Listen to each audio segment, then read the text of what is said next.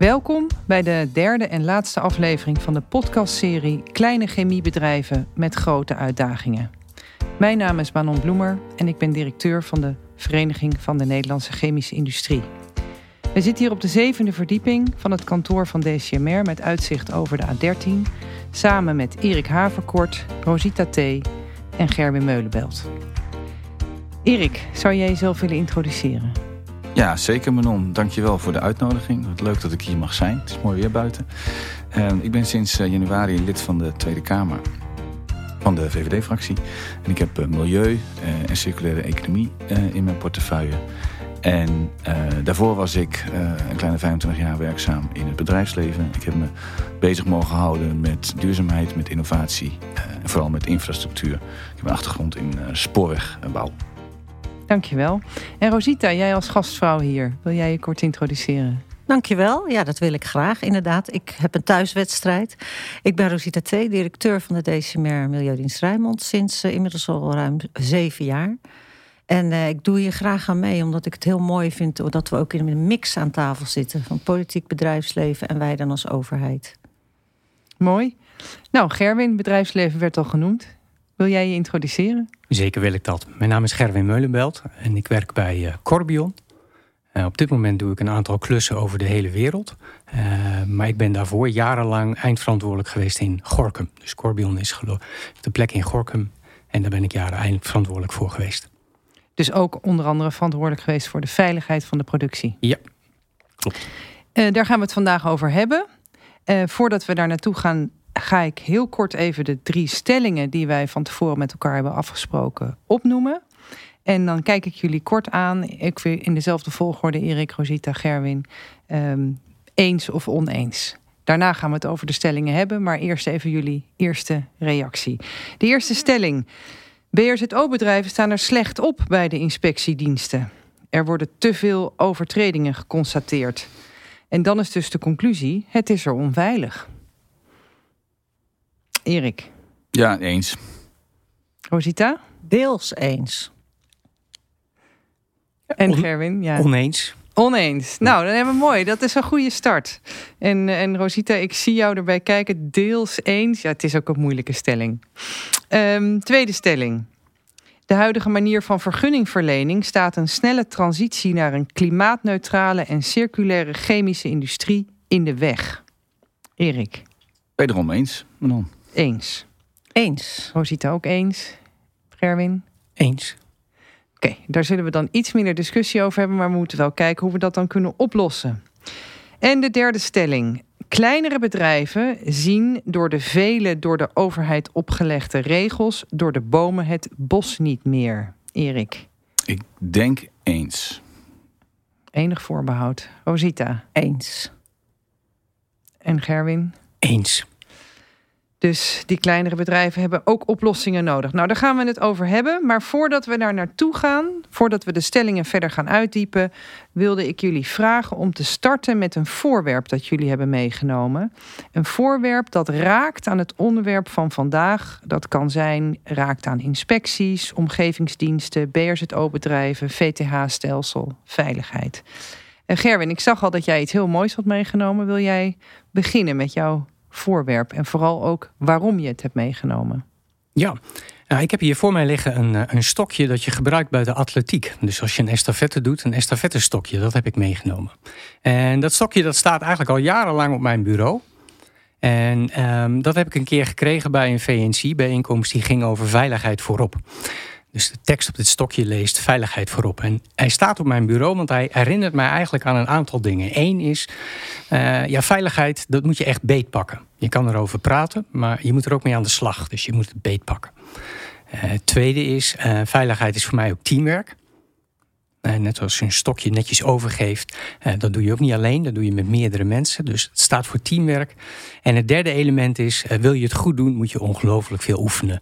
Dus dat zijn eigenlijk de drie elementen die het stokje voor mij ja, in beeld brengen. En zoals ik al zei, er staat al jaren mij links op tafel op de hoek. En ik, ik kan er af en toe naar kijken en dan herinner ik mij aan die drie dingen. Dus daarom heb ik hem eigenlijk meegenomen vandaag. Ja, en de kleur is mooi goud. Ja. Dus het zegt ook nog zoiets van als je het dan goed krijgt, dan heb je die pot met goud gevonden. Oh, wie weet. Ja, dat zou kunnen. Ja, absoluut. Dankjewel. Uh, Rosita, jij hebt een foto. Klopt. Kun je beschrijven wat erop staat en waarom je hem hebt meegenomen? Nou, ik wil eerst zeggen, reagerend op uh, Gerwin, ik wil ook die pot met goud wel. en uh, ja, ik heb een foto inderdaad meegenomen, maar daar zie je jullie allemaal kinderen op staan. En uh, dat is ons kinderraad. En waarom heb ik die meegenomen? Omdat uh, de kinderraad een aantal jaren geleden niet voor niets bij ons is ingesteld. En dat hebben wij gedaan omdat wij als DCMR ook vernieuwend willen zijn en buiten onze kaders willen denken. Want je zit natuurlijk, hè, dat, dat is bij mij ook zo, je zit altijd in een bepaalde visie. Hè, je bent, we zijn opgevoed als vergunningverlening, toezichthandhaving, kennis, dat weten we allemaal. Daar, daar proberen we het best in te doen. Maar mijn idee was jaren geleden, we hebben gewoon frisse input nodig. Ik had eerder met een kinderraad gewerkt en het werkt ook zo. Dus die kinderen die komen, alleen al als ze binnenkomen, dan zie je al ja, nu is dat fysiek natuurlijk, was dat even een tijdje niet. Maar dan zie je de kinderen die brengen iets mee. Qua energie en ook wat ze uitstralen. En ze, ze kijken ook onbelemmerd. Dus ze geven ook reflecties aan ons. En daar is het ons om te doen. Uh, waarbij wij ook denken: oh ja, dat zou ik inderdaad wel eens anders kunnen zijn. Ik kom er straks nog op terug uh, op basis van de onderwerpen. Maar dit inspireert mij enorm. En het inspireert ook ons bedrijf om ons net een tandje buiten onze eigen kaders te laten denken. Want ik ben ervan overtuigd dat dat nodig is voor de, in huidige opgave waar wij voor staan. Ik kan me voorstellen dat we daar bij stelling 2 misschien ook nog wel op terugkomen. Ja. Dankjewel. En uh, Erik, wat heb jij meegebracht?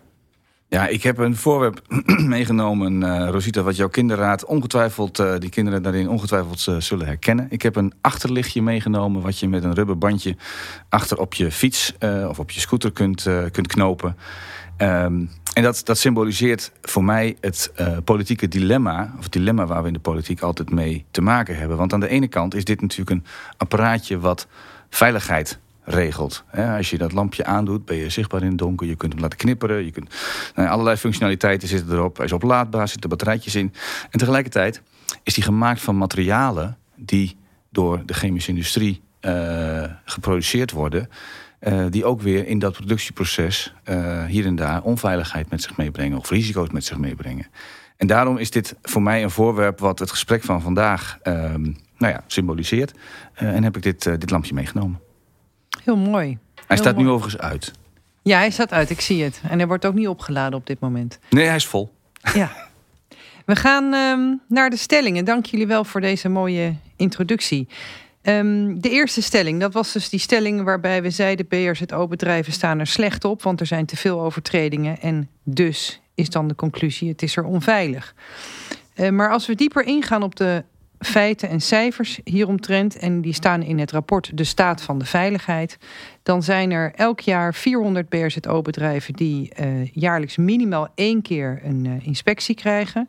En daarvan is 60% van de bedrijven niet vrij van overtredingen. Dus 40% heeft geen overtredingen, 60% wel. Het is belangrijk om dan te kijken naar de gradatie van die overtredingen... En van die overtredingen is ongeveer ook weer 60% in de lichte categorie. En ik ga zo aan Rosita ook vragen wat dat dan ongeveer betekent. Uh, Zo'n 35% in de middelcategorie en slechts een kleine 1 tot 5% van die overtredingen in de zware categorie. Dus dat geeft wel enige nuancering, maar dat zegt ons eigenlijk nog steeds niet zoveel. Uh, er is recent promotieonderzoek gedaan rondom uh, of het overheidstoezicht op BRZO-bedrijven nou daadwerkelijk de industrie ook echt veiliger maakt. En daar is wel een vraagteken bij. Dat is niet bekend of de veiligheid daar nou echt mee gebaat is. En het aantal overtredingen en het aantal incidenten blijft constant. Dat blijkt uit het proefschrift van meneer Rob in het veld. Uh, ook is er ander wetenschappelijk onderzoek van de VU van uh, de heer Huisman, professor Huisman, criminologie doet hij. Uh, die zegt er is geen kausaal verband tussen overtredingen in inspecties en tussen de mate waarin in incidenten daadwerkelijk plaatsvinden bij bedrijven. ook zegt deze professor criminologie, meneer Huisman van de VU, hoeveel risico vinden we acceptabel? Het is dus een ingewikkeld uh, thema, wat ook ingewikkeld te meten is, veiligheid. En de vraag is, hoe kun je nou het toezicht zodanig moderniseren, zodat het echt gaat bijdragen aan een substantiële verbetering van veiligheid? Nou, Rosita, ik kom als eerste bij jou. Hoe moet de luisteraar dit nou duiden? Hoe, hoe, moeten we dit snappen? Over wat voor soort overtreding hebben we het? En wat betekent dit dan echt voor veiligheid? En is er in jouw ogen een relatie tussen de hoeveelheid overtredingen die jullie vinden bij inspecties en daadwerkelijk de veiligheid op zo'n bedrijf? Ja, dat zijn heel wat vragen. Ja. Uh, misschien goed om te zeggen waarom ik net zei deels eens. Uh, uh, kijk, de meeste bedrijven hebben goede bedoelingen. Dus in die zin staan ze er niet slecht op. Desalniettemin, ja, kan je ook zeggen, elke overtreding is er één te veel. Maar jij noemde het net al, kijk, een risicoloze samenleving bestaat gewoon niet. Nee. Dus wat vinden we acceptabel? Dat is een hele goede. Nou, daarom hebben we categorieën overtredingen, precies zoals je net zei. En het gros zijn gelukkig lichte overtredingen. En dan heb je een kleine categorie zware en middelgroot. Nou, wat moet je bij lichte voorstellen? Bijvoorbeeld administratieve onvolkomenheden. Dat de paparazzen niet op orde zijn. Kan uiteindelijk natuurlijk wel leiden tot achterstallig onderhoud, ik noem maar iets. En de andere kant zijn de zware overtredingen. Nou ja, dan moet je denken aan een brandblussysteem wat niet op orde is. Nou, dat, hoef ik denk ik niet uit te leggen. Dat kan natuurlijk grote gevolgen hebben ja. op het moment dat er een brand uitbreekt. En alles wat ertussenin zit. En als je uitgaat van het principe elke overtreding is er één te veel. Kijk, dan zeg je dus, ja, de, de chemische bedrijven in dit geval zijn slecht. Hè, voor zover zij uh, degene zijn die de overtredingen hebben begaan. Maar uh, ja, in mijn beleving gaat het niet alleen maar om het begaan van overtredingen en incidenten. Ja, als je meet, wat betekent dat dan daadwerkelijk voor de veiligheid? Dan is hij ook plausibel, zou ik maar zeggen. Uh, want hoe kun je meten als wij controles uitvoeren en dan is er niks? Ja, wat is dan het effect geweest van het feit dat er altijd controles komen? Nou, ik weet van binnenuit, ik heb vroeger ook in de industrie gezeten en ik heb diverse kennis in de industrie. Als het DCMR eraan komt, dan zijn ze een soort van half in paniek. En dan gaan ze natuurlijk alles nakijken. Nou, dat is goed. Het is niet ons doel om per se overtredingen te vinden. Dus die relatie, dat is heel ingewikkeld. Bovendien, en daar, dat vind ik echt heel principieel... bedrijven zijn zelf verantwoordelijk voor hun eigen veiligheid. Ja. Anders moeten wij een paar duizend man in dienst... om elke tanker te controleren, elke plek. Dat gaat niet. Als je nagaat dat de grote chemie... dat zijn gewoon kilometers bedrijventerrein. En um, dus ik denk alles een beetje in perspectief. Wil je niet dat er overtredingen zijn? Zeker bij de zware, hè, dat, dat, dat, dat is gewoon elke is het te veel... Dat is niet haalbaar. Dus je moet met elkaar kijken van wat is dan de goede modus als bedrijf. Hè, dus we, we meten ook veiligheidscultuur, maar daar komen we daar denk ik nog wel op terug. Mm -hmm. Maar ook als toezichthouder, wat kun je doen met de beschikbare middelen? Nou, en daarvoor ik weet niet of dat voor nu te ver gaat, uh, werken wij ook met uh, risicogericht toezicht. Dus we kijken welke bedrijven kennen we, kennen we natuurlijk al jaren, we zitten jaren in de omgeving, die gedragen zich netjes. En daar zien we eigenlijk zelden of nooit overtredingen. En zeker geen middelgrote of zware. Nou, dan kun je iets lichter toezicht toepassen, maar welke bedrijven die kennen we, zeg maar onze pappenheimers in de omgeving, ja, daar ga je dan wat vaker langs. En dat doen we ook soms onverwacht vinden ze Ja. het leuk. Maar ja, dan gaan we echt de thermometer insteken op plekken waar ze zich niet hebben voorbereid. Of sowieso helemaal niet, omdat we komen. Nou ja, dan krijg je het, het, eh, het wel boven water. Maar wij kunnen nooit voorkomen dat er niks gebeurt. Nee, nee. En de bedrijven willen dat natuurlijk ook heel graag dat er niks gebeurt. Maar ook die kunnen met al hun verantwoordelijkheden dat niet voorkomen. Ja, Ehm, hoewel ik wel mag, als ik mag, moet zeggen dat je toch vaak ontdekt, als je iets ontdekt wat niet zo fraai is en dan in de wat zwaardere categorie, dat het vaak menselijke fouten zijn. Hmm. Ja, dat mensen, juist ervaren mensen, letten dan niet meer zo goed op als ze deden. Ik bedoel, dat, dat kennen we denk ik allemaal wel in de dagelijkse praktijk. Dat gebeurt toch nog regelmatig. Ja. Ja, je begon volgens mij de zin met eh, de meeste bedrijven hebben hele goede bedoelingen. Ehm, dus zelfs als het niet goed gaat, kan het ook onbewust zijn. Hè? Maar daar gaan we misschien even met eh, Gerwin over praten. Als we zeggen het bedrijfsleven aan het woord. Eh, ik neem aan dat jullie ook wel eens bij die 60% horen waar overtredingen zijn. En misschien ook wel eens in jaren bij die 40% horen waar dan geen overtredingen zijn. Ehm, hoe blik je terug op die inspecties? Hoe kijk jij daarnaar? Ja, dankjewel voor je vraag. Uh, ja, het klopt. Ik heb in beide categorieën gezeten. Dus ik heb inspecties meegemaakt met overtredingen en inspecties zonder overtredingen. En het zijn altijd hele intensieve inspecties. Uh, uh, zowel de aangekondigde als de onaangekondigde. En net zei Rosita al, de BRZO komt. Ja, de BRZO komt ook. En dan, dat zijn pittige inspecties die je altijd goed voor wil bereiden. Uh, en die doen wat met jezelf, maar doen wat ook met je, met je organisatie. Dus als je uh, geen overtredingen hebt, dan is dat een, een, positief iets voor je organisatie. Heb je een overtreding, wordt dat toch vaak wel gezien als iets negatiefs. Ik heb ook gezegd tegen de stelling dat ik daar niet mee eens ben. Want het aantal overtredingen direct gekoppeld nu aan is het veilig of niet, die directe koppeling die zie ik niet helemaal. Nee. En natuurlijk overtredingen zoals opgemerkt worden zijn vaak uh, systeemovertredingen. Dus je kijkt of je procedures kloppen, of je trainingen kloppen, of je je systemen goed hebt. Uh, en dat zijn goede aanwijzingen om het verder veiliger te maken. Maar de koppeling overtreding en het is dus onveilig. Ja, uh, uit de grond van mijn hart en wat ik al die jaren zelf heb meegemaakt, dat zie ik niet en dat heb ik niet meegemaakt. Nee. Dan toch verder kijkend, wat mij enorm aanspreekt, ook in de opmerking van Rosita, om te kijken naar risicogebonden uh, inspecties, risicogericht, uh, meen ik dat je het noemde. Ja, ik, ik zou dat graag verder uit willen bouwen. Ik geloof daar heel erg in.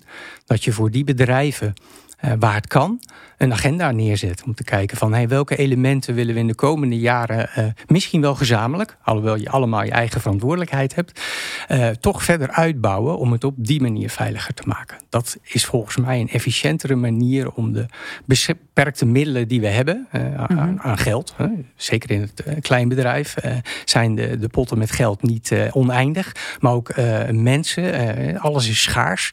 Dus als je dat risicogericht kan inzetten, denk ik dat je veel gerichter uh, kansen naar beneden kan uh, brengen en daarmee ook de veiligheid kan verhogen. Ja, ja. en als jullie zo'n audit hebben gehad, krijgen jullie dan ook de positieve bevindingen benoemd? En ga je daar dan met elkaar uh, ook verder even het kleine feestje vieren, dat er ook dingen heel goed zijn gegaan? Uh, gebak hoort er wel bij, maar om heel eerlijk te zijn, uh, komt vrij weinig voor dat je de positieve elementen ook hoort. En dat zou ik ook eigenlijk wel willen benadrukken. Laten we elkaar alsjeblieft positief coachen in deze. Dus het is de wortel en de stok, maar ik mis persoonlijk af en toe wel de wortel nog eens. daar krijg je een organisatie, denk ik, die het kan. Hè, dus weer terug naar risicocontouren, eerder mee in beweging. ja. Dank je. Even nog een hele korte vraag, Erik, voor jou. Het gaat over de staat van de veiligheid. Ken jij dat rapport en geeft jou dat ook een goede beeldvorming over hoe het met de veiligheid bij de bedrijven staat? Nou ben je pas net in de Tweede Kamer, dus ik kan me voorstellen dat je het misschien nog niet hebt gezien. Nee, ik ken het rapport. De Algemene Rekenkamer heeft ook een, een, een dat heet dan een technische briefing daar, daar ook over gehouden. Dus daarover is de tijd dat ik in de Kamer ben, nou ja, blijkbaar de juiste geweest. Um, en aanvullend op wat, uh, wat Rosita en, uh, en Gerwin dan zeggen. Uh, deze stelling, ik heb uiteindelijk gezegd, ik ben het daarmee eens. En dat heeft niet zozeer te maken met het eerste deel van de stelling. Want ik geloof dat heel veel BSO-bedrijven er prima op staan bij de inspectiediensten. dus daar, dat stukje ben ik het niet mee eens. Ik heb wel geleerd in mijn tijd bij de aannemer in de spoorwegbouw... dat onveiligheid zichtbaar wordt door incidenten. Dus het is goed dat er heel veel uh, gekeken wordt. Het is ook goed dat er uh, veel over gesproken wordt. Het is ook goed dat bedrijven, mensen in bedrijven uh, getriggerd worden om te melden. Hè. Dan kunnen we in de brede basis kijken naar hoe dat handelen, heel vaak onbewust handelen, tot risico's leidt. Helaas is het ook zo dat bij een BSO-bedrijf, als er een keer wat gebeurt, is het effect vaak groot. Ja. Um, en mijn waarneming, onder andere ook van dat rapport, is niet eens zozeer uh, het aantal overtredingen wat naar voren komt. Maar ik ben wel getriggerd door uh, de reactie dat het aantal overtredingen in relatie tot het aantal bedrijven, hè, gemiddeld zie je toch dat er twee keer per jaar bij een bedrijf iets geconstateerd wordt. En dat dan vervolgens in relatie tot het mogelijke effect als het bij zo'n bedrijf echt een keer misgaat. Ja, dat maakt dat ik bij deze stelling toch overweeg om te zeggen, laten we er vooral voor zorgen om te kijken dat we toch het aantal overtredingen wat naar beneden kunnen laten gaan. En overtreding heeft vaak een soort bijklank dat het gaat over bewust handelen. Um, juist omdat het heel vaak onbewust handelen is, denk ik dat we ook moeten zoeken naar een, een route waarbij we toch nou ja, van onbewust misschien wel uh, naar bewust en dan ook naar bewust bekwaam toe kunnen ontwikkelen, zodat we um, veiliger worden dan nu.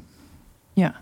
Ja. Nog veiliger worden dan nu. Ik denk dat dat ook met cultuur te maken heeft. Ja. En um, Rosita wil erop reageren. Mag ja, nog heel kort en dan gaan we ja, door naar de volgende stelling. Ik zal ja. het kort houden. Dat heeft inderdaad met cultuur te maken. We hebben uh, een heel toegankelijke korte vragenlijst ontwikkeld samen met, uh, ik meen TNO of de TU Delft, uh, waarop we, die we gewoon in heel bedrijf kunnen uitproberen, zeg maar, of uitgeven. En uh, onze ervaring leert, we hebben het bij een van de grote chemiebedrijven nu geprobeerd. Mensen vullen het graag in, ze zijn ook zo klaar. En het geeft een prachtig beeld van hoe mensen in de veiligheid zitten. En ook het effect wat zo'n lijst heeft. Dat mensen inderdaad, dat, dat vond ik zo mooi wat jij zei, Erik. Uh, uh, bewust onbekwaam worden. Zo noem ik het maar even. Omdat ze zeggen, god, dat ik me eigenlijk niet meer zo bij stilgestaan. En dan krijg je echt een goed beeld. Het is heel simpel, want dat is natuurlijk belangrijk. Dat ze niet twintig pagina's krijgen. En daar zijn we nu echt mee aan het experimenteren. Om te kijken, dat kunnen we vaker doen. En dan kunnen we ja, ook met dat bedrijf optrekkend zeggen... Van, hoe kunnen we het nou verbeteren bij jullie? En daar zit echt wel een omslag. Want een paar jaar geleden als wij met zoiets aankwamen, wij, wij begonnen hiermee een paar jaar geleden, was heel veel weerstand. Het wilde men niet. En uh, als je zo'n enquête uitzet, nee, nee, dat veroorzaakt onrust. Dat begint nu echt wel om te gaan. Hmm, ja. Mooi. Ja, dus dat onbewuste is eigenlijk eerder de basis van fouten dan het onwil. En door zo'n vragenlijst kan je dat onbewuste meer bewust maken. Ja. Volgens mij wilde jij nog kort reageren, Erik? Of niet? Ja, in, die zin dat, um, dat uh, als je bewust zou overtreden, en daar gaat het vandaag gelukkig niet over. Maar dan zit je in een hele andere hoek. Hè. Dan zit je in de hoek van de milieucriminaliteit. En, en daar blijven we vandaag. Er is ook een discussie over, maar daar blijven we vandaag natuurlijk bij weg. Dus het gaat over ja, uh, blinde vlekken in, in de processen. Blinde vlekken die ja, uiteraard niet gezien worden omdat het blinde vlekken zijn. En juist daar uh, moeten we met elkaar van, uh, van durven te leren. Goed, een stelling waar we het eigenlijk alle drie een andere mening over hadden, hebben we dan toch aardig uitgepeld. Um, onbewust eerder dan onwil. Dat zou dan voor mij nu de korte conclusie zijn. We gaan door naar de volgende. De tweede stelling. Verduurzaming betekent nieuwe technologieën, nieuwe keuzes. Uh, en de stelling is dat de huidige milieuregelgeving in de weg staat. Oh nee, de huidige manier van vergunningverlening staat een snelle transitie naar een klimaatneutrale en circulaire chemische industrie in de weg. Um, ik begin hier bij jou, Gerwin. Kan jij een voorbeeld geven van een investering of een maatregel die vanuit een inspectie of vergunning komt, uh, die je eigenlijk liever zou willen inruilen voor een meer toekomstgerichte investering in relatie tot verduurzaming? En krijg je daar dan ook de ruimte voor? Ja, een voorbeeld heb ik wel. En het gevaar van een voorbeeld is altijd dat je het uh, plat slaat, maar ik denk dat het wel uh, illustratief is. en ik pak een overtreding die we zelf, denk ik, drie jaar geleden hebben ontvangen. En dat ging over uh, veiligheidsdouches. Uh, geconstateerd is dat de temperatuur van de veiligheidsdouches uh, buiten de gestelde bandbreedte is. Hè. Het water moet een bepaalde temperatuur hebben. dat is geconstateerd. dat is inderdaad een, een, overtreding buiten het kader dat al ligt. dus dat moet opgelost worden. Nou, nou zijn wij geen klein bedrijf, wij zijn ook geen groot bedrijf, wij zijn een middelbedrijf. Maar het oplossen hiervan is toch vele tienduizenden euro's. Het is een simpele constatering. Het moet opgelost worden. En het kost best wel veel geld. En los van het geld is het ook inspanning en tijd dat je daarmee bezig bent. Is daarmee Nederland veel veiliger geworden? Als we het opgelost hebben, en het is opgelost? Eh, nee, dat denk ik niet. Had ik dit geld graag voor wat anders gebruikt? Ja, ik had hier graag bijvoorbeeld ledlampen voor gekocht. Dus zo zie je dat als wij heel erg blijven zitten, en nogmaals, dit is een voorbeeld, als we heel erg blijven focussen op overtredingen, en uh, het woord overtreding gebruiken, dus dan moet het ook opgelost worden in die zin, uh, dan, uh, ja, dan maken we keuzes over de, de hoeveelheid middelen die beschikbaar zijn. En graag zou ik dit soort voorbeelden dus niet hebben en inzetten voor andere zaken die ook nodig zijn. energietransitie, circulariteit bevorderen, et cetera, et cetera.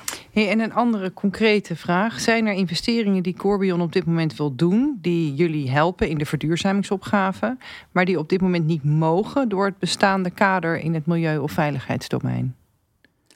Nou, dat is, uh, ja, die zijn er, maar daar, daar kan ik in dit kader niet al te veel natuurlijk over vertellen. Maar uh, uh, wat, wat, wat, speelt in, in, in verduurzaming en in de huidige vergunningsruimte is het begrijpen wat er nu aan de hand is. kijk naar stikstof als voorbeeld. Uh, ik denk dat er vrij weinig mensen in Nederland zijn die precies weten hoe het stikstofdossier in elkaar zit, hoe je dat moet oplossen en hoe je dat ook kan implementeren. Dus wij hebben, en nogmaals, ik kan de details niet geven, maar we hebben een aantal investeringen nu klaar liggen. Uh, en stap 1 is weer teruggaan om te begrijpen wat is de impact van de hele stikstofdiscussie hierop. Het kan dus zomaar zijn dat het zo complex is, of er komt geen besluit, uh, dat we besluiten om dit niet in Nederland te gaan doen, maar elders.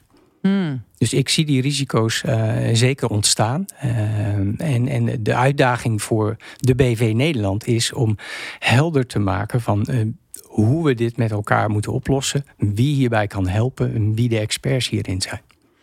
Erik, ik denk dat jij daar wel misschien jouw zegje over wilt doen. Hoe kijk jij daarnaar? dit beeld vanuit het bedrijfsleven en jij als volksvertegenwoordiger. Wij willen toch dat investeringen in Nederland plaats kunnen vinden. Ja, zeker, uh, Manon. En ik herken heel erg wat Gerwin zegt. Uh, in die zin dat ik ook een aantal bezoeken bij bedrijven heb afgelegd de afgelopen periode. En dat als een soort rode draad precies dat beeld terugkomt. En niet zozeer dat bedrijven allemaal zeggen dat ze uh, in het buitenland willen investeren omdat het hier niet kan. Maar wel dat ze aangeven van dat ze graag willen investeren. Dat ze ook graag willen investeren in schonere productie uh, naar de toekomst toe. Uh, dat ze graag willen investeren in productie waarbij ze uh, duurzame hernieuwbare energie willen gaan gebruiken.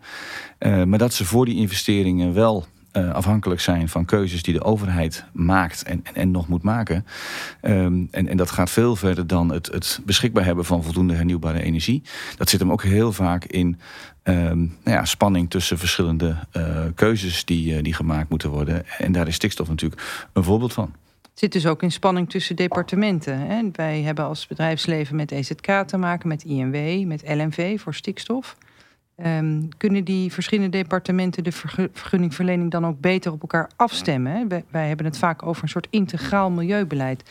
Zijn jullie daarmee bezig? Ben jij daarmee bezig? Dat je dat integrale milieubeleid echt goed toetst op de uitvoerbaarheid, maar ook op de consequenties bij de andere departementen? Ja, eens. Uh, integraal milieubeleid, uh, voor je het weet, is dat weer zo'n term waar allerlei mensen weer zelf bij gaan, uh, gaan bedenken wat het precies is. Voor mij gaat het, probeer ik altijd in de discussie aan de ene kant beleid en, en, en onze systeemwereld te, te benoemen. Maar veel interessanter is wat dat vervolgens met het gedrag van mensen doet die in die uh, in die wereld actief zijn. Hè? Wat betekent het voor de medewerkers van, van DCMR? Wat betekent het voor uh, de ministers in het kabinet? Uh, dus ik ga veel liever met de staatssecretaris van Milieu het gesprek aan van goh, dit komt uit de samenleving. En hoe kunnen jij en ik er nou samen voor zorgen dat die dialoog in het kabinet leidt tot snellere vergunningverlening? Want als we die vergunningverlening niet versnellen ja, dan gaan we ook de doelstellingen van de minister van Natuur en Stikstof niet halen. Dan gaan we ook de doelstellingen van de minister van Klimaat en Energie niet halen. En dus ze hebben elkaar nodig. Uh, niet alleen uh, op de werkvloer hier, niet alleen in de bedrijven in, in dialoog met, met de vergunningverlener, vaak de overheid, maar ook in, het, in, in, het, in de Tweede Kamer in het kabinet. Rosita, ja, ik, jij, eh, jij, ik heb voor jou de vraag, eh, maar ik zie al dat je wil reageren. Hoe kunnen jullie als DCMR de transitie op het gebied van energie en circulariteit ook uh, faciliteren en daarmee de verduurzaming faciliteren? Ja, ik wil graag inhaken op wat Erik en Gerwin natuurlijk zeiden. Kijk, om allereerst, iedereen holt op duurzaamheid, dat is ook hartstikke goed. Maar ook bij duurzaamheid moet voldoen aan de regels en moet veilig zijn. Hè? Want dat, iedereen denkt dat. Dat hoor ik heel vaak van ja, maar dan gaan ze bijvoorbeeld, ik noem maar iets, buurtbatterijen. Hartstikke goed initiatief. Dan vangt men overtollige energie op in buurtbatterijen. Maar toen wij erin doken, bleek die dus hartstikke gevaarlijk te zijn. Want die kunnen gewoon ontploffen. En nou, dat is maar een klein voorbeeld. Maar dus wij zeggen wel met onze uitvoeringspet... Hè, ook een verduurzaming moet voldoen aan regels dat het veilig is. Ja. En waar wij op koers is de laatste stand van de techniek, dat die gebruikt wordt. Maar waar wij ook wel tegenaan lopen, en dat herken ik ook in de wetgeving, regelgeving, loopt natuurlijk achter. Dat is gewoon standaard zo. Die loopt altijd achter op de ontwikkelingen. En ik mag wel zeggen dat ik mijn hielen plat loop in Den Haag. Van jongens, wij hebben ook beleid nodig. En dat, ik weet dat dat heel ambtelijk klinkt. Maar wij sturen natuurlijk op basis van regels. En wat je nu ziet is dat er zo'n grijs gebied is op verschillende vlakken. Nou, jij noemde al afval, Gerwin. Uh, uh, ZZS, hè, zeer zorgwekkende stoffen. PZZS, stikstof Dus er is gewoon te veel grijs gebied. Waardoor je ziet dat de bevoegde zagen, dus eh, vaak is het bij de BSO-bedrijven, zijn het de provincies, kunnen ieder een eigen beleid voeren. Nou, dat doen ze ook en dat moeten ze ook. En wat moeten ze anders? En daar, op basis daarvan gaan wij weer sturen. Dus wat wij proberen te zeggen in Den Haag, en dan kijk ik jou, Erik, ook echt aan, uh, is Luister nou naar die uitvoering, wat er nodig is. Want we willen toch volgens mij uiteindelijk allemaal hetzelfde. Namelijk een veilige, schone, duurzame leefomgeving. Wat heb je daarvoor nodig? Nou, daar hebben wij echt wel zicht op. Gelukkig hebben we heel veel kennis in huis. Maar het is een kleine vijver met kennis waaruit je vist. Dus ik weet van sommige ministeries die zeggen... ja, maar wij hebben gewoon kennis, wij hebben een gebrek aan kennis. Dat zal jij, Manon, misschien ook wel gehoord hebben in je rondjes. Dan denk ja, dan moet je het samen met ons doen. Want in, bij ons zit gewoon, bij de DCMR... zit bijvoorbeeld heel veel kennis op deze gebieden. We weten ook niet precies alle antwoorden, maar we weten wel inhoudelijk. Er zitten chemisch technologen, scheikundigen, biologen, alles zit hier. En met elkaar, dat zei volgens mij, zei jij dat Erik, je moet het echt met elkaar doen. Want we hebben gewoon een grote opgave die, en dat, dat deel ik helemaal met, met volgens mij zei jij dat, het is een, wel een integraal iets. En je moet het wel in de sporen oplossen, dat kan niet anders. Maar stikstof staat niet los van ZZS en afval. Hè, wat Gerben vertelde, dan heb je een eindproduct. En dan kan je er niks mee onder de afvalwetgeving. Maar onder de nieuwe ontwikkelingen zou je er wel iets mee kunnen. Nou, ga je daarmee om? Dan heb je ILT, onze inspectiepartner, die zegt: ja, maar dat kan zomaar niet. Nou, en. Het is een ontzettend ingewikkelde schuif. Tegelijkertijd moet je hem volgens mij afpellen en kijken wat kunnen we nu. En ja, ja als DCMR doen we dat. Hè, want we hebben het versnellingshuis in Rotterdam. Daar proberen we dus sneller aan de voorkant met vergunningverlening te komen. Wat belemmeringen in ieder geval weg te nemen. We hebben het circulair loket voor de, ook de, de start-ups. Waar ze terecht kunnen zitten, zitten DCMR-deskundigen om ze de weg te wijzen. En als we zeggen wij zijn er niet van, zeggen we niet ga maar naar loket 4. Nee, dan gaan wij uitzoeken waar ze dan terecht kunnen. En het ook alvast aanhaken. Dus we doen er alles aan. Verder hebben we, dat is nog een hele belangrijke die ik bijna vergeet. Zijn we bezig met altijd digitale vergunning. En dat is een hele belangrijke, waarin we eigenlijk naar de toekomst kijken en zeggen: hoe kun je nou een vergunning veel eenvoudiger doen? Niet per se korter, maar wel inzichtelijk dat ook een bedrijf in het systeem kan. Zijn we ook aan het experimenteren. En die kan dan kijken van: hé, hey, als ik mijn aanvraag doe, wat zie ik dan? Wat ligt er al? Wat, heb ik, wat moet ik doen? En dan willen we toe, hè, omgevingswet als die er komt, vraagt ook kortere termijnen. Nou, hoe moeten we dat nou doen met elkaar zonder dat we oog verliezen op de zorgvuldigheid? Nou, dat hele spel, daar hebben we nu in ieder geval systemisch wat voor ontwikkeld. Dat wordt in, als pilot in de DCMR gedraaid. Heb ik ook landelijk laten we het zien. Bij, bij alle landelijke gremia uh, geven er echt voorbeelden van. Is, is een weg van vallen en opstaan. Maar het vak verandert echt en moet ook veranderen. Om sneller en ja, efficiënter een vergunning neer te leggen. Ja, in te spelen op die enorme transitie die de ja. Uh, chemie, maar überhaupt de industrie in Nederland gaat, uh, gaat maken. Ja. ja, dus eigenlijk zeggen we dat het VTH-stelsel uh, robuuster moet om ook aan die verduurzamingsambities, want die ambities zijn heel groot, te kunnen helpen voldoen. Hè? En te kunnen ondersteunen. Erik, jij wilde nog één reactie? Ja, ik, ik, merk als ik mijn vinger opsteek dat ik van jou het woord krijg, maar ja. dus dat werkt. Dankjewel. Ja. Um, ik wil niet voorkruipen geven hoor, begrijp me niet verkeerd. Nee, wat ik, wat ik nog wil toevoegen, ook aan het verhaal van Rosita, is. Um, morgenavond hebben we in de Tweede Kamer ook een gesprek, een debat heet het dan, over uh, het vergunningen, uh, toezicht en handhavingsstelsel. Um, en daar zitten een aantal elementen in die gewoon heel wezenlijk zijn. De, de industrie zegt ook tegen mij van joh, als we nou naar die schone uh, hernieuwbare energie en die schone productie van chemische producten toe willen, hebben we ook tijd nodig. Een investering uh, is, is dusdanig in onze wereld dat die gewoon 10, 15 jaar staat voordat je hem kunt terugverdienen. Nou, 2050 is het moment waarop we met elkaar een circulaire chemische industrie uh, nastreven. Betekent dat je nog één à twee keer uh, kunt investeren in een grootschalig onderdeel van je productieproces. Um, en dan moet het voor elkaar zijn. Dus het vraagt ook geduld aan de kant van de overheid.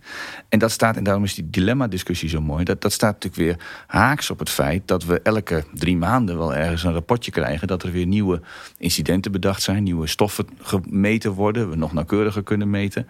Waardoor we weer meer zicht krijgen op de risico's die dat met zich meebrengt. En er zijn twee dingen in uh, vooral van belang.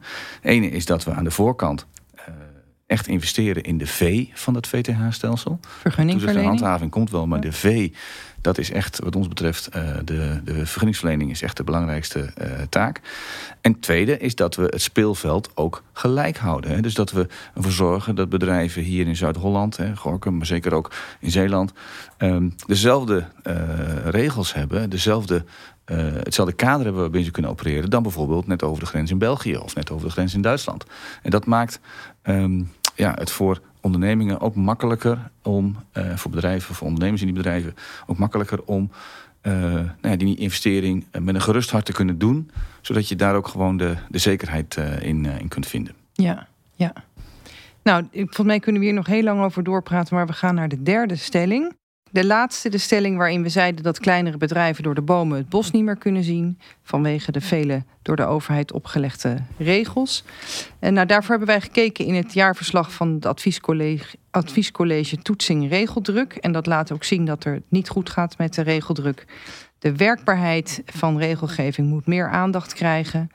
Uh, het zijn vooral de burgers, bedrijven en maatschappelijke organisaties die ermee worstelen om uh, de verplichtingen na te leven. En ook vraagt dat adviescollege toetsing regeldruk meer aandacht voor het voorkomen en verminderen van de complexiteit van regelgeving. En wat is dat dan, complexiteit van regelgeving? Dat is het gevolg van stapeling van beleid en of het feit dat wetgeving uit het ene beleidsdomein niet goed past bij wetgeving in het andere domein. Nou, grote bedrijven hebben hier al moeite mee, maar laat staan de kleinere bedrijven.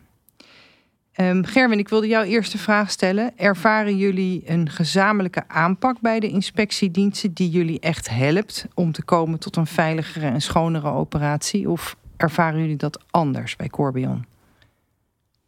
Nou, ik ervaar het eigenlijk niet. En dat eigenlijk wel een, eh, een ernstige constatering, eh, begrijp ik. Maar uh, nee, ik, ik, ervaar die gezamenlijkheid nu nog niet. En dat komt ook een beetje voort uit de discussie die we net zagen. Waarin we zeggen, hey, er is heel veel kennis en kunde. Uh, maar op een of andere manier komt op dit moment die kennis en kunde niet gezamenlijk aan tafel. Dus het is nog steeds, en dan zit ik wel weer in de toezichthouding, een heel erg eenrichting verkeer. En, en, en het, het, het zou heel fijn zijn als we met elkaar constateren dat de BV Nederland verder moet. Als we zouden zeggen, eh, laten we die kennis uh, bundelen. En ja, iedereen heeft daarin zijn eigen uh, verantwoordelijkheid. Dat begrijp ik ook. En daar sta ik ook pal achter. En daar heb je ook aan te voldoen. Maar het zou mooi zijn in die zoektocht. Hoe kunnen wij duurzamer, circulairder, netter manier van chemiebedrijven met elkaar opbouwen. Dat we die kennis die er nu is ook echt...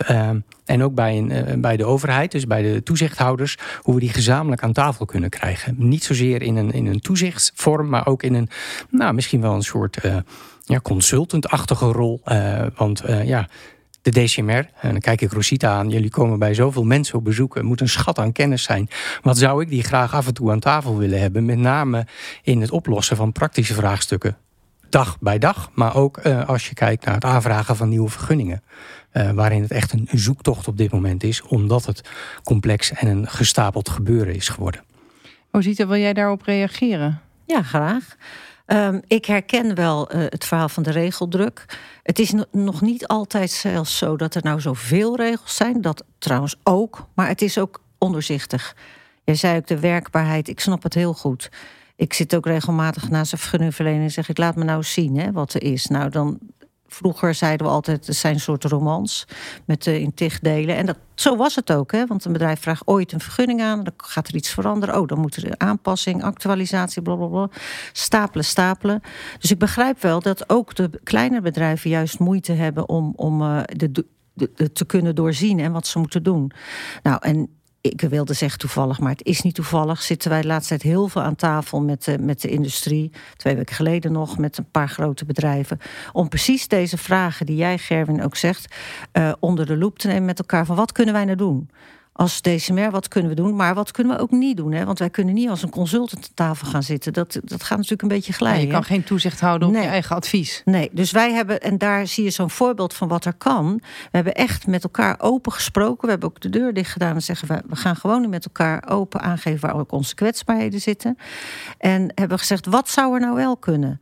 En toen bleek dat uh, met name, er zaten ook wat kleine bedrijven aan tafel, die zeiden ja, wij zouden eigenlijk een soort, zij noemden het geloof ik gatekeeper moeten hebben, die eigenlijk vergunning aan de voorkant checkt of we nou op de goede weg zitten en ook met ons in gesprek gaan. Uh, um, en wat je ziet bij die vergunningverlening, dat is eigenlijk een beetje een andere kant van wat jij schetst, Gerwin. Is dat onze mensen zijn zo, het zijn uitvoeringsmensen met heel loyaal, heel trouw. Dus wat doen die als een bedrijf iets terugstuurt wat eigenlijk niet, niet kan, incompleet is? Gaan zij heel hard werken om te kijken hoe kunnen we het compleet maken? En wij zijn nu bezig met een heel project dat heet Doortastend Vergunningverlening niet meer doen. Geef aan wat er nodig is in plaats dat je het zelf gaat doen. Mhm. Want daar gaan weken overheen. En het is, zijn, is niet één aanvraag, zeker op het gebied van duurzaamheid. Die, die stapelen zich op. Ook voor de omgevingswet willen bedrijven gauw nog aanvragen doen. Nou, met de arbeidsmarkt die we allemaal kennen, hè, lopen wij ook tegen letterlijk tekorten aan. Maar wij proberen dus zeg maar aan de voorkant komen. Daar is de AADV dus ook zo'n belangrijk middel in. Om te zeggen, hoe zorg je nou dat bedrijven goed weten wat ze moeten aanleveren. Als ze het niet goed doen, ja, dan stuur je terug. En wat we ook nog gaan doen, dat hebben we nu weer afgesproken, is aan de voorkant af en toe gewoon eens workshops geven. Voor bedrijven, afvaardiging van bedrijven of hun adviseurs. Dat hebben we al eerder gedaan. En dan gewoon vertellen hoe zitten vergunningen in elkaar? Wat wordt er verwacht? Wat, welke route gaan we op? En dat werkt heel goed. We hebben twee jaar geleden voor corona hebben dat gedaan. En dat was ontzettend succes. Maar ja, door corona is het natuurlijk in ieder geval niet meer gebeurd, mede daardoor.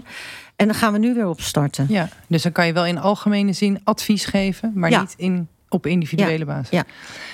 Mooi. Um, Erik, vraag aan jou. Uh, het gaat over regeldruk. Hè? Je, hebt, jij hebt ook voor het bedrijfsleven gewerkt. Is de toename in regeldruk nou het gevolg van het feit dat de maatschappij en de politiek geen risico's meer accepteert? En dat we echt naar een nul risico samenleving gaan? Of is er sprake van wantrouwen tussen overheid en bedrijfsleven, waardoor dingen worden dichtgetimmerd? Hoe denk je dat uh, bijvoorbeeld een bewindspersoon daar naar kijkt en wat voor een effect heeft dat op het beleid wat wordt uitgezet? Dank, uh, dank Benon. Dat zijn wel veel vragen. Veel vragen, ja. Misschien hoe kijk je er eerst zelf ik naar? Ik heb geen idee hoe een bewindspersoon daar uh, naar kijkt. Maar ik ga graag met die bewindspersoon dat gesprek aan om dat uh, te achterhalen. Ik heb wel een idee over hoe de mensen in de samenleving denken over risico's. En je eerste vraag was: goh, herken je nou dat er uh, dat risico's niet meer zouden mogen optreden. Nee, ik geloof niet dat onze samenleving. Uh, of dat, dat, we onze ogen dicht doen voor het feit dat we nou eenmaal risico lopen in de samenleving. Ik merk wel dat de effecten die uh, optreden, dat we daar kritischer op zijn. Of dat nou gaat over discussies rondom uh, uh, in, in IJmuiden, hè, waar uh, omwonenden met, met een, een advocaat een juridische procedure starten. Um, of, of het feit dat de GGD in Zeeland adviseert om bij wijze van spreken geen vis meer uit de Westerschelde te eten, hè, omdat er te veel, wat is het, PFAS in, in het water zit. Die effecten van uh, onze samenleving, daar wordt uh, de inwoner wel kritischer op. En ik geloof ook dat dat goed is. Ik denk dat het goed is dat de inwoners zich laten horen uh, als het gaat over dit soort effecten.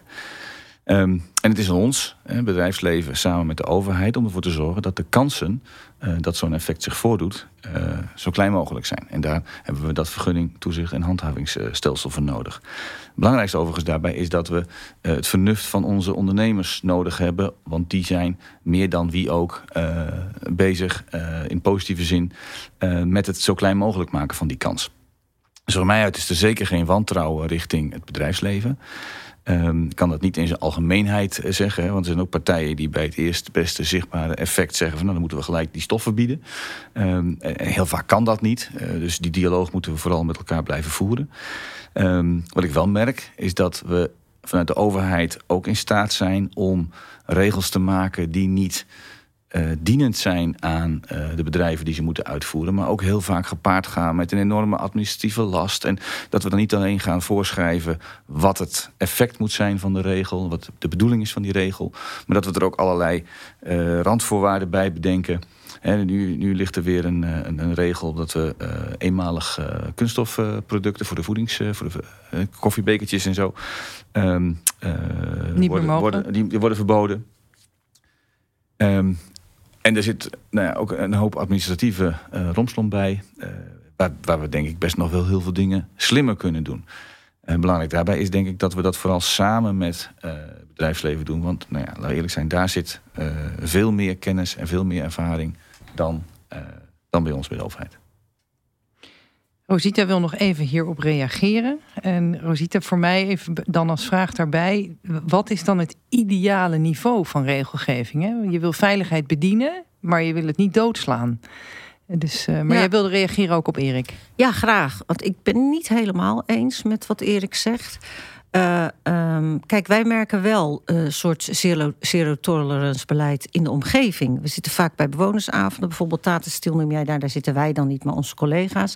Mensen zeggen gewoon geen uitstoot meer. Mag niks meer worden geloosd. En, en het, mensen weten vaak niet, ik wist dat vroeger ook niet, dat je niet zonder de chemie kan, hè, met alle producten die we hebben. En dat een, een dat kan niet. Chemie kan niet draaien als er nul uitstoot is. Het hoeft ook niet. En daar, dat is denk ik veel onbekendheid, waardoor mensen, die zijn echt woedend op die avonden. Wij hadden dat met Dupont Gemoer in het verleden, hebben wij natuurlijk overgenomen. Mensen hadden echt zoiets van, ja, dat willen we niet meer. En wat je ziet, is het vaak een gebrek aan communicatie van een bedrijf naar de omgeving. Als ze het dan weten, dan, worden, dan snappen mensen dat ook wel. Maar als een bedrijf zich gesloten opstelt, dan krijg je dit soort reflexen. En um, wat verder ook erg speelt, dat benoemde ik net al een beetje, is dat we volgens mij moeten we veel meer naar kopregelgeving. En wat bedoel ik daarmee? Dat er een soort paraplu-regie komt op bepaalde thema's, zoals CZS, afval zodat we weten wat, wat we kunnen en wat we niet kunnen. En dan kunnen we in dialoog met elkaar in zo'n gebied als deze... kunnen zeggen, nou, hoe gaan we dat dan vormgeven? Wat mag je dan wel en wat mag je niet? Terwijl nu, dat zei ik net al, provincies kiezen, moeten hun eigen weg kiezen. En dan krijg je dus, nou, volgens mij zei jij het net, Erik, level playing field. Ja, dan kun je dus verschillen krijgen. Nog even los van het buitenland, daar zou ik ook nog wel over kunnen hebben, maar dat zou ik maar even niet doen. Maar um, ja, Nederland loopt voorop. Hè. Omgevingsdiensten zijn uniek in Nederland. Ik denk zelf, en niet alleen omdat ik er zit, maar dat we er wel blij mee mogen zijn. Want wij zijn ook een soort kenniscentra in, ja. in onze omgeving. Ja, en hoe zorg je nou dat je die maximaal uitnut? En die regelgeving, dat ben ik helemaal met Erik eens. Die bureaucratie erom, ja, dat is ons ook een doorn in het oog. En hoe vereenvoudig je dat nou zonder dat je de veiligheid uit het oog verliest, dat is wel een uitdaging. Ja, hoe, hoe vereenvoudig je het, zodat je eigenlijk weer meer zicht krijgt op het echte veiligheidsvraagstuk. Dat, dat is volgens mij. Uh, Precies. Ik denk niet dat we die vraag echt beantwoorden hier, maar met alle ambities die er zijn om het goed te krijgen. Uh, samenwerking is daar dan wel een centraal woord in. Ja, daar hebben we het ehm, Rijk echt bij nodig. Die oproep wil ik ja, wel doen. Die heb ik, dat weet de beleidsmaker bedoel je? Ja, ja, dat ze aan de voorkant stappen. En, en, en nu merk ik toch een soort ja, leegte als wij erom vragen. Ja. En ja, ook wij, deze meer, we zijn groot, maar wij kunnen het ook niet. Ik bedoel, wij zijn uitvoerders. Ja. Dus, dus dat is echt wel, vind ik echt wel een puntje ook uh, voor het debat morgenavond. Neem ik vast ondertussen kijkt Rosita naar Erik. ja. Goed, ik, ik wil nog even heel kort langs de stellingen lopen of jullie beeld bij de stellingen veranderd is. Um, de eerste gaat over de BRZO-bedrijven die er slecht op staan vanwege te veel overtredingen. En overtredingen zouden betekenen dat het dan dus onveilig is. Is jullie beeld daar veranderd, Erik? Ja, ja en nee. Kijk, als je alle drie de stellingen bij elkaar optelt, dan, uh, dan ben ik heel trots op de chemische industrie in dit land. En krijg ik vooral heel veel positieve uh, reacties van de mensen die daar werken. Dat ze bezig zijn met die verschoning, dat ze bezig zijn met die uh, verduurzaming. En dat ze mij vragen om vooral aandacht te hebben voor het, het, het, uh, het minder uh, of het verlagen van de regeldruk. Niet omdat daarmee de speelruimte groter wordt, maar omdat daarmee vooral die administratieve last kleiner wordt. Um, en ze vragen mij aandacht voor dat voortraject, dat voortraject van die vergunningverlening, zodat ze sneller kunnen, uh, kunnen acteren en we met elkaar onze samenleving sneller, schoner en, en veiliger kunnen maken. Dus dat vind ik, vind ik het mooi, het mooie van, van, van ook deze ochtend. want dat herken ik wel ook terug in de, in de stellingen. Heel goed. Nou, je bent heel efficiënt. Dan doe je ze alle drie in één keer. Um, Rosita, wil jij dat ook? Want dan noem ik de andere twee nog even voor je op. Graag. De tweede gaat dus over uh, vergunningverlening. Staat een snelle transitie naar verduurzaming in de weg. En de derde was uh, de vele regels zorgen dat kleine bedrijven door de boom het bos niet meer kunnen zien. Is jouw ja. mening gewijzigd? Nee, mijn, mijn, mening is eigenlijk wel hetzelfde gebleven. En misschien ook even een nuance op die snelle vergunningverlening. Dat zit ook bij de bedrijven, hè, die soms dingen bij ons over de schutting gooien. Dat moet ik toch even. Uh, die niet compleet zijn. Of? Die totaal niet compleet zijn, waarvan je soms denkt, nou, dat had je wel kunnen weten, zeg. Ja. En ik ben het ook wel eens, hè, dat herken ik wat Gerwin zegt, dat je af en toe denk je ook hoe is het vredesnaam mogelijk dat je dat, je dat moet weten. Hè? Dus het is niet voor niks dat bij ons ook een hele aantal mensen zitten soms te worstelen hoe ze dat goed doen. Maar het is zeker niet alleen maar ligt het bij de overheid. Dat wil ik toch ook wel even gezegd hebben. En bij ons staat de chemische industrie er ook niet slecht op. Dat had zij in het begin. Dat vind ik nog steeds. Maar we zijn natuurlijk wel waakzaam op. Ja, een overtreding kan wel leiden tot een onveilige situatie. En dat wil je natuurlijk nooit. Ja. Dus in die zin staan wij er wel open in, maar wel vanuit onze verschillende petten rollen natuurlijk hier in de omgeving. Nou, ik denk dat jullie workshops om eh, bedrijven in het algemeen te helpen hoe, hoe doe je een goede vergunning aanvraag, dat dat zeker heel zinvol kan zijn. Uh, Gerwin, de drie stellingen in één, of wil je op alle drie apart reageren? Nee, ik ga het ook gewoon proberen, alle drie in één keer. Uh, kijk, ik, ik, ik, ik was van mening en ik ben van mening ook dankzij dit prettige gesprek is dat het is goed dat er regels zijn. Het is goed dat er een kader is. Uh, uh, ook al ben ik zelf verantwoordelijk voor een chemisch bedrijf. Ik woon ook in een buurt. Dus ik wilde ook dat het daar gewoon goed geregeld is. Hè. We begonnen met een kinderraad. Uh, ja, ik heb ook kinderen en die moeten ook vrolijk in de tuin kunnen spelen. Dus dat, dat staat buiten kijf. Ik denk dat we dit in dit land heel netjes geregeld hebben. Dus het is goed dat die regels er zijn. Um, wat ik, wat ik wel zie uh, is nog steeds, zowel in toezicht, handhaving als ook in vergunningverlening, dat het nog veel reactief is. En reactief omdat we druk zijn, omdat er veel moet gebeuren in dit land, uh, is volgens mij ook prima. En zou zo mooi zijn, en ik, ik, ik bespeur hele mooie aanrakingsvlakken vandaag ook alweer, dat we van reactief ook proberen af en toe proactief te zijn.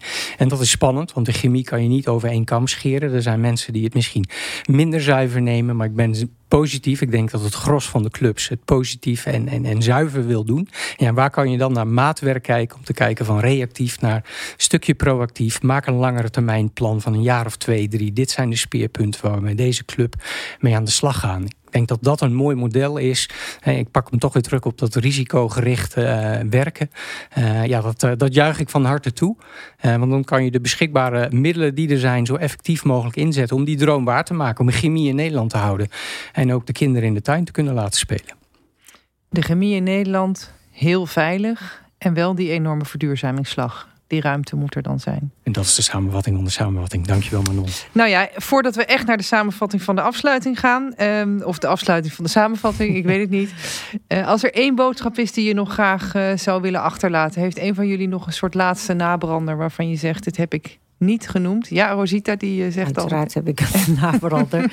nou ja, uh, het haakt een beetje aan op wat Erik ook vooral zei. We hebben in Nederland wel een regelreflex. Dus er hoeft maar iets te gebeuren en boem, we verzinnen weer een set regels. Mm -hmm. En ik zou wel willen oproepen, nou kijk ook weer naar het Rijk. Blijf nou even kalm. Kijk even goed wat er echt nodig is en wat we al hebben. Negen van die hebben al iets en dan wordt er een pleister geplakt en nog geen en nog geen. Dat maakt het allemaal heel ondoorzichtig. Ja. Punt. Erik? Ja, ik zat even onze drie voorwerpen bij elkaar te, op te tellen. En daar zit ook wel een hele mooie symboliek in. Hè? We hebben een chemische industrie die fantastische producten kan maken. Hè? Onder andere het, het, het achterlichtje wat ik Jouw heb lampje. En daarmee worden, uh, als we het verkeerd doen... allerlei risico's en onveilige situaties uh, um, gecreëerd. Dat willen we niet. En we willen dat vooral niet omdat we onze uh, huidige leefomgeving schoner willen maken en willen doorgeven. Daarom kom ik bij jou, uh, estafettestok, Gerwin. Uiteindelijk aan de generaties na ons, gesymboliseerd in het voorbeeld van jou, Rosita. Dus ja. hoe dat dan weer... Ik vind dat knap van jou, Manon, dat je dat gedaan hebt gekregen. Maar jij hebt ons gevraagd om die voorwerpen mee te nemen. Dus dat, dat vind ik wel een hele mooie symboliek van, van dit gesprek. Mooi rond maak je het zo. Ik denk dat, uh, dat we er zijn voor vandaag. Ik vond het ook een heel aangenaam gesprek. Dank jullie wel. Ik wil uh, Erik, Rosita, Gerwin, alle drie enorm hartelijk bedanken. Het was een uh, prettig gesprek. Um, ik denk niet dat we het in één keer oplossen. Maar we hebben wel grote ambitie om uit die risicoregelreflex weg te gaan. En daadwerkelijk ruimte te maken voor de vernieuwing die er nodig is in de industrie. Zonder daarmee de veiligheid in het gedrang te brengen. Um, dit was onze derde en laatste aflevering uit de podcastserie Kleine Chemiebedrijf met grote uitdagingen. Uh, je kan de podcast volgen op je favoriete podcast-app. Dan kan je ook de andere twee afleveringen uh, naluisteren. Ik wil jullie uh, heel hartelijk danken voor het luisteren. En wie weet maken we binnenkort weer een serie. Dank jullie wel.